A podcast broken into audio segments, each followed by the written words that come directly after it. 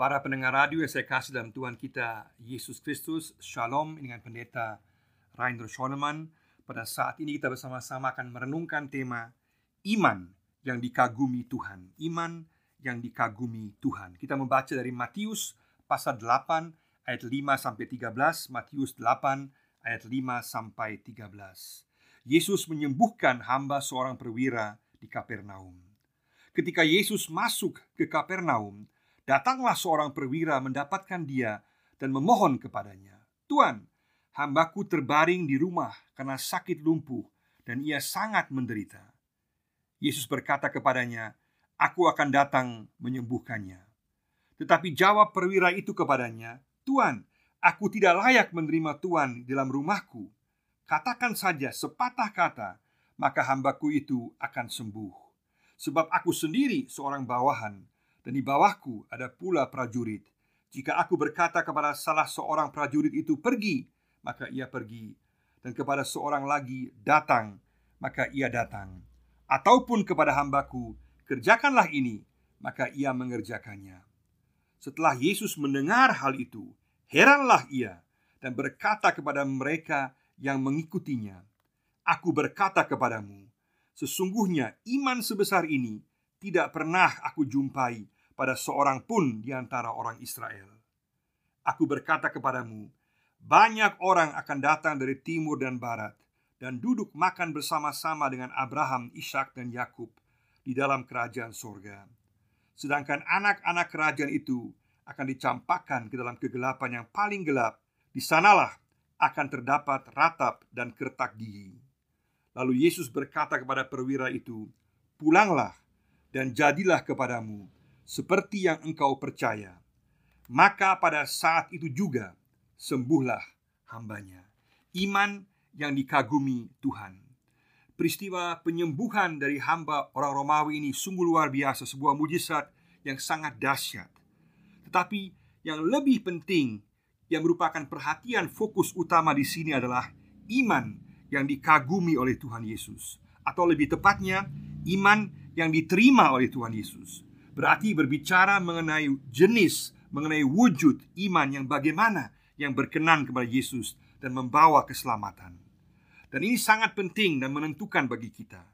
Karena kita manusia tidak bisa membuat teori pikiran kita sendiri tentang Allah dan tentang bagaimana kita dapat memperoleh keselamatan. Kita bergantung sepenuhnya kepada wahyu Allah, kepada firman Allah yang menyatakan bagaimana kita dapat memperoleh keselamatan itu dan apa yang berkenan kepada Allah. Ini hanya dapat dinyatakan oleh Allah sendiri. Dan itulah yang dinyatakan oleh Tuhan Yesus di sini. Yesus menjelaskan iman yang bagaimana yang berkenan kepada Tuhan dan yang membawa keselamatan. Dalam bagian sebelumnya di pasal 5 sampai 7 dalam khotbah di bukit, Yesus telah menunjukkan otoritas wibawanya yang ilahi. Kalau para guru, para rabi, yang lain melandaskan ajaran mereka kepada para pengajar sebelumnya dan kepada hukum Taurat, maka Yesus berbeda karena dia berulang kali mengatakan, "Aku berkata kepadamu, aku berkata kepadamu." Yesus menyamakan dirinya dengan Allah, Yahweh, yang mengatakan dalam Keluaran pasal 3 ayat 14, "Aku ada yang aku ada." Dan Yesus menyatakan bahwa dia berada di atas hukum Taurat dan berhak untuk memperjelas hukum Taurat karena Dia adalah Allah sendiri dan memiliki wibawa ilahi yang tak tertandingi. Yesus sungguh beda, luar biasa, istimewa, dahsyat, pengaruh. Itu sebabnya kemudian dalam Matius pasal 7 ayat 28 sampai 29 dikatakan dan setelah Yesus mengakhiri perkataan ini yaitu khotbah di bukit takjublah orang banyak mendengar pengajarannya sebab ia mengajar mereka sebagai orang yang berkuasa, tidak seperti ahli-ahli Taurat mereka. Yesus pengajarannya penuh kuasa dan wibawa. Dan kemudian di pasal 8 ayat 1 sampai 4, Yesus menyembuhkan orang yang sakit kusta, artinya orang yang praktis terfonis MPP mati pelan-pelan yang tidak mempunyai harapan. Yesus membuktikan kuasanya atas sakit penyakit, atas kehidupan. Pengajaran Yesus penuh wibawa dan kuasanya dahsyat atas sakit penyakit.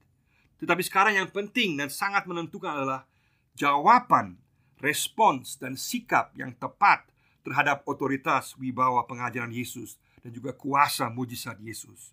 Jawaban ini yang menentukan, bukan hanya sekedar takjub, heran dan kagum akan pengajaran dan kuasa Yesus. Kita harus menjadi orang Kristen yang memberikan jawaban positif kepada Yesus dan menerimanya. Yesus tidak ingin penggemar atau fan club, tapi pengikut dan menginginkan para murid yang setia. Di sini Matius memberikan contoh teladan iman yang dikagumi dan diterima oleh Yesus yang justru ditunjukkan oleh seorang perwira Romawi yang bukan orang Yahudi. Perwira Romawi ini di Kapernaum kemungkinan besar berasal dari Libanon atau Syria dan bekerja sama dengan Raja Herodes Antipas. Perwira ini memiliki 100 tentara di bawah komandonya. Seorang hambanya yang berusia pemuda sakit lumpuh dan sangat menderita. Dalam situasi ini, perwira ini menunjukkan imannya yang luar biasa dengan datang kepada Yesus. Iman perwira Romawi ini dipuji oleh Yesus. Yesus bahkan terheran-heran dan kagum dengan imannya. Hanya di sini dalam perjanjian baru dikatakan bahwa Yesus terheran-heran kagum karena iman yang luar biasa, yang istimewa. Imannya dikagumi oleh Yesus. Dalam peristiwa ini ada lima prinsip kebenaran rohani yang sangat penting tentang iman yang dikagumi dan yang berkenan kepada Yesus. Dan kelima prinsip ini juga berlaku untuk kita di masa kini. Yang pertama adalah iman yang mengakui otoritas wibawa Yesus. Iman yang mengakui otoritas wibawa Yesus. Ayat 5 sampai ayat 7. Dalam bagian ini digambarkan bagaimana sang perwira Romawi itu datang memohon kepada Yesus untuk penyembuhan hambanya.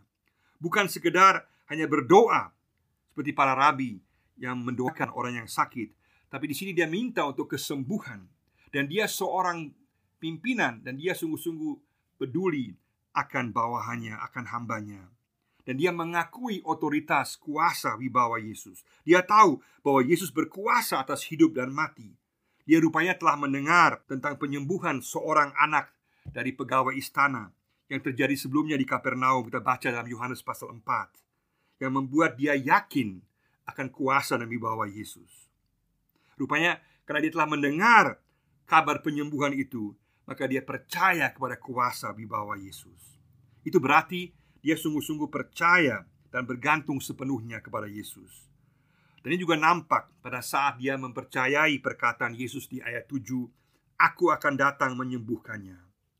Adalah sangat menarik bahwa banyak perwira dan tentara yang kemudian menjadi percaya kepada Yesus. Dalam perjanjian baru Ada banyak teks misalnya Markus 15 ayat 39 Kisah para rasul 10 ayat 1 Pasal 22, 25, 26 Dan juga pasal 27 ayat 1 Banyak tentara perwira yang menjadi percaya. Dan juga dalam sejarah gereja Sejarah misi terbukti bahwa banyak tentara dan perwira kemudian menerima Yesus karena mereka mengetahui artinya Yesus yang berkuasa atas hidup dan mati.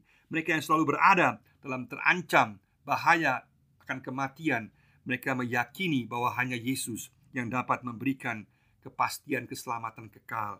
Bahwa mereka terbuka kepada keselamatan Yesus, mereka mengakui otoritas wibawa Yesus. Jika kita mau menyenangkan hati Tuhan, jika kita mau iman kita berkenan kepada Tuhan dan dikagumi Tuhan, maka kita harus mengakui otoritas wibawa kuasa Yesus. Ini berarti tunduk kepada firman-Nya dan perintahnya. Harus ada serah terima jabatan kepada Yesus. Bahwa sekarang bukan lagi aku yang mengatur hidupku, tetapi kini aku diatur oleh Yesus. Bukan Yesus ikut aku, tapi aku ikut Yesus. Aku taat pada otoritas Yesus. Itulah yang Paulus katakan dalam Galatia 2 ayat 20 bahwa bukan lagi aku yang hidup, tetapi Kristus yang hidup di dalam aku. Artinya, jangan sampai kita mau Yesus ikut maunya kita, tetapi kita yang mengikuti firman-Nya. Yesus yang sekarang memegang komando dalam kehidupan kita. Yesuslah juru mudi kehidupan kita. Hanya dengan mengakui otoritasnya, wibawanya, kuasanya, kita akan berkenan kepada Tuhan. Kita akan diterima oleh Tuhan kita memiliki iman yang dikagumi oleh Tuhan. Maukah kita? Ini juga berarti kita dapat membawa segala pergumulan kita, permasalahan kehidupan kita kepada Yesus. Karena dia yang berkuasa. Kita dapat memohon hikmat, petunjuk dari Tuhan untuk berbagai situasi kehidupan kita. Karena Yesus akan menolong kita. Dalam ayat 7 dikatakan, Yesus akan datang menyembuhkan hamba yang sakit itu. Hal yang sama juga berlaku untuk kita, bahwa Yesus peduli dan mau menolong kita. Bawalah pergumulanmu, permasalahanmu kepada Tuhan. Katakan, aku mau memiliki iman yang mengakui otoritas wibawa kuasa Yesus. Yang kedua adalah iman yang peduli sesama. Iman yang peduli sesama ayat 6. Sang perwira Romawi ini sungguh-sungguh memiliki kasih dan kepedulian yang nyata kepada sesamanya. Bukan hanya dengan kata-kata, tetapi dengan perbuatan tindakan yang nyata. Meskipun dia seorang hamba, seorang budak, tidak memiliki posisi yang tinggi pada waktu itu dan bahkan sering dianggap hina, tetapi perwira Romawi ini sungguh peduli dan berupaya mencari jalan keluar bagi penyembuhan hambanya itu. Dia mendengar tentang kuasa Yesus yang menyembuhkan anak pegawai istana sebelumnya di Kapernaum. Dan sekarang setelah dia mendengar, dia percaya dan dia sekarang sungguh-sungguh peduli akan kesembuhan dari hambanya itu. Kemudian dia datang kepada Yesus. Dia tidak malu untuk sungguh-sungguh mengungkapkan permohonannya bagi hambanya. Sungguh seorang pimpinan yang luar biasa. Kita mungkin telah banyak mendengar tentang kuasa Yesus, baik dalam Alkitab maupun dalam kesaksian hidup banyak orang percaya. Tetapi selama kita hanya mendengar saja dan tidak bertindak dengan datang kepada Yesus dalam permohonan kita, kita tidak pernah akan mengalami kuasa Yesus dalam kehidupan kita secara pribadi. Mari sama-sama kita datang dengan penuh iman kepada Yesus dan memohon kepadanya. Kita akan mengalami kuasa pertolongan, penghiburan, dan kuasa Yesus. Mari sama-sama kita juga peduli kepada sesama kita dengan menunjukkan kasih kita kepada mereka yang sakit dan membutuhkan pertolongan. Mari sama-sama kita berdoa untuk mereka yang sakit, peduli pada mereka, membawa mereka kepada Yesus.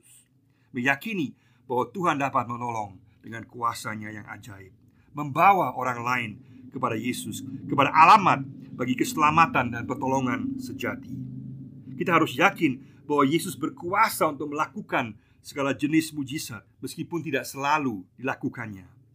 Misalnya Paulus pun yang beriman tidak disembuhkan pada saat dia sakit dan Tuhan mengatakan dalam 2 Korintus 12 ayat 9 Cukuplah kasih karuniaku bagimu sebab justru dalam kelemahanlah kuasaku menjadi sempurna. Juga 11 dari 12 murid Yesus mati syahid meskipun mereka sungguh beriman. Tetapi yang pasti mereka berada dalam tangan keselamatan kekal Allah. Rencana Tuhan, waktu Tuhan berbeda dengan rencana dan waktu kita tetapi kita tetap harus berdoa, yakin dan berserah. Tuhan tetap akan pelihara kita dan punya rencana yang indah bagi kita kekal selamanya. Iman yang peduli kepada sesama, dikagumi Yesus dan berkenan kepada Yesus. Katakan, aku mau memiliki iman yang peduli kepada sesama. Aku mau memiliki iman yang datang kepada Yesus, membawa segala pergumulan hidup saya kepada Yesus. Yang ketiga adalah Iman yang rendah hati di hadapan Yesus. Iman yang rendah hati di hadapan Yesus ayat 7 dan 8a Iman yang rendah hati sungguh-sungguh ditunjukkan oleh perwira ini. Dia tahu diri. Dia tahu siapa Yesus yang berkuasa. Dan dia juga tahu siapa dirinya. Dia sadar akan keberadaan dirinya. Dia katakan Aku tidak layak untuk menerima Yesus dalam rumahku. Dia tahu bahwa segala posisi, status, jabatan, kebaikan, kehebatan yang dia miliki tidak cukup dan tidak berarti di hadapan Tuhan. Hanya mereka yang sadar akan keberdosaan dan ketidaklayakan mereka akan diterima oleh Tuhan. Pemahaman iman yang sangat dalam dari seorang yang bukan Yahudi. Dia mengerti apa yang Yesus katakan dalam Matius 5 ayat 3 sebagai syarat untuk masuk kerajaan sorga Berbahagialah mereka yang miskin di hadapan Allah Karena mereka lah yang empunya kerajaan sorga. Yesus katakan dia tidak menemukan iman Seperti iman orang Romawi ini Yang dianggap kafir Yang dianggap bukan orang Yahudi. Ternyata dia lebih memahami arti iman yang sejati Iman yang sungguh-sungguh merendahkan diri di hadapan Tuhan Dan iman yang mengakui otoritas Yesus di bawah Yesus dan juga mengakui dan juga peduli akan sesamanya. Dia mengetahui betapa besarnya otoritas Yesus yang cukup hanya memberikan perintah saja. Dia tahu dari pengalamannya sendiri bahwa dia juga bisa memberikan perintah kepada bawahannya. Dia tahu bahwa cukup satu kata yang Yesus ucapkan itu cukup untuk dapat menyembuhkan hambanya. Dia tahu siapa Yesus dan mengakui kuasa Yesus. Berbeda dengan para pemimpin Yahudi, para pemimpin agama Yahudi yang bahkan kemudian menuduh Yesus bekerja sama dengan iblis dan kemudian pada akhirnya mereka menuduh Yesus dan menghukum dia sehingga akhirnya Yesus disalibkan. Sungguh berbeda. Dia mengerti siapa Yesus dan dia menerima otoritas Yesus. Dia merendahkan diri di hadapan Yesus dan dia peduli kepada sesamanya. Dan iman inilah iman yang dikagumi yang berkenan kepada Yesus. Mari sama-sama kita datang kepada Yesus dengan sikap rendah hati dan tahu diri di hadapan Tuhan. Tahu bahwa sebenarnya kita tidak layak, tapi Tuhan telah melayakkan kita dan menerima dan mengampuni dan menjadikan kita anak-anaknya. Katakan, Aku mau memiliki iman yang rendah hati di hadapan Yesus. Kalau kita telah gagal dan berdosa, mari kita akui di hadapan Yesus dan kita jangan benarkan diri. Kita merendahkan diri di hadapan Tuhan. Kita tahu siapa Yesus dan siapa kita dan bahwa kita telah diampuni, dihargai oleh Yesus pada saat kita merendahkan diri kita di hadapan Tuhan. Kita memperoleh pengampunan dan status dan kepastian kehidupan kekal bersama-sama dengan Yesus. Katakan, aku mau memiliki iman yang rendah hati di hadapan Yesus. Yang keempat adalah iman yang percaya sabda perkataan Yesus. Iman yang percaya sabda perkataan Yesus. Ayat 8b, ayat 9 dan ayat 13. Perwira ini sungguh-sungguh percaya otoritas perkataan sabda Yesus. Dan dia berikan contoh dari dirinya sendiri bahwa dia bisa memberikan perintah kepada bawahannya dan baginya Yesuslah di atas segala otoritas. Luar biasa. Dan kemudian Yesus menjawab iman si perwira ini. Yesus memberikan kesembuhan dalam ayat 13 mengatakan bahwa iman ini sungguh luar biasa tidak dia temukan di Israel. Dan jarak bukanlah halangan. Sehingga pada saat yang sama itu juga hambanya menjadi sembuh. Karena Yesus maha ada dan maha kuasa. Mari sama-sama kita belajar untuk beriman langkah demi langkah, mempercayai sabda perkataan Yesus. Kita sungguh-sungguh belajar untuk mau meyakini perkataan Yesus dengan cara membaca firman Tuhan. Sungguh-sungguh meyakini firman Tuhan lewat berdoa, lewat bernyanyi, lewat memuji Tuhan, lewat mencari hikmat, petunjuk kehendak Tuhan untuk kehidupan kita secara praktis. Sungguh-sungguh mempercayai sabda perkataan Yesus. Kita mengembangkan iman kita. Jangan bandingkan diri kita dengan orang lain, tapi kembangkanlah imanmu sehingga semakin yakin akan sabda perkataan Yesus. Katakan, aku mau memiliki iman yang mempercayai sabda perkataan Yesus. Yang kelima yang terakhir adalah iman kepada Yesus membawa keselamatan kekal. Iman kepada Yesus membawa keselamatan kekal ayat 10 sampai 12. Yesus menekankan di sini bahwa yang paling utama adalah keikutsertaan dalam kerajaan surga atau kerajaan Allah. Masuk kerajaan surga itulah yang paling penting. Benar, Yesus berkuasa atas sakit penyakit dan menyembuhkan secara luar biasa hamba perwira Romawi itu. Hanya dengan perkataannya dikatakan pulanglah dan jadilah seperti yang engkau percaya. Dan hamba itu menjadi sembuh. Sungguh dahsyat dan ajaib kuasa Yesus. Meskipun demikian, kesembuhan secara rohani yaitu masuk dalam kerajaan sorga, menjadi anggota kerajaan sorga yang kekal selamanya. Itulah yang terpenting, yang utama. Di sini penekanannya adalah mirip atau sama dengan Markus pasal 2 dalam cerita tentang bagaimana Yesus menyembuhkan seorang yang sakit lumpuh dan mengatakan kepadanya, "Dosamu telah diampuni." Itulah yang terpenting, bahwa dosanya telah diampuni. Yesus kemudian membuktikan bahwa dia mampu mengampuni dosa. Dia adalah Allah dan kemudian orang lumpuh itu berjalan menjadi sembuh. Di sini juga sama.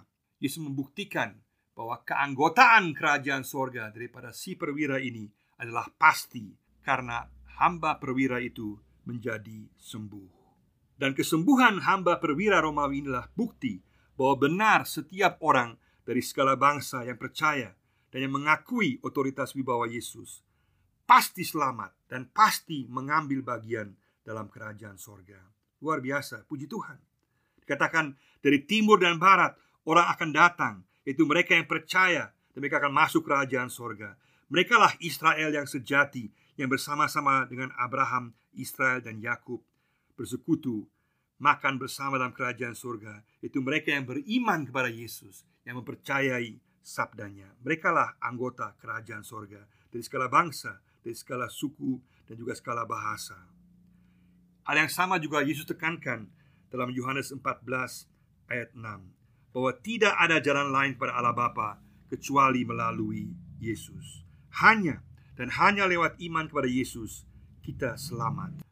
Dalam Roma 10 ayat 9 sampai 10 dikatakan, sebab jika kamu mengaku dengan mulutmu bahwa Yesus adalah Tuhan dan percaya dalam hatimu bahwa Allah telah membangkitkan dia yaitu Yesus dari antara orang mati, maka kamu akan diselamatkan.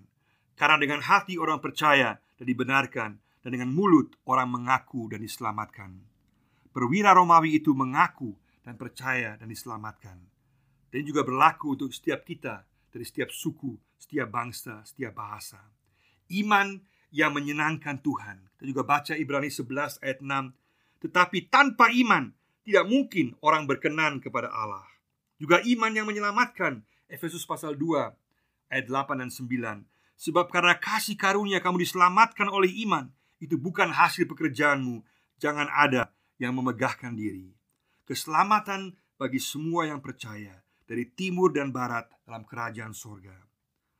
Mari sama-sama kita mengambil keputusan untuk mau memiliki iman yang dikagumi Tuhan Yesus. Iman yang berkenan kepada Tuhan dan membawa keselamatan. Mari sama-sama kita mengambil keputusan untuk memiliki iman yang mengakui otoritas wibawa kuasa Yesus. Kita mau memiliki iman yang peduli kepada sesama.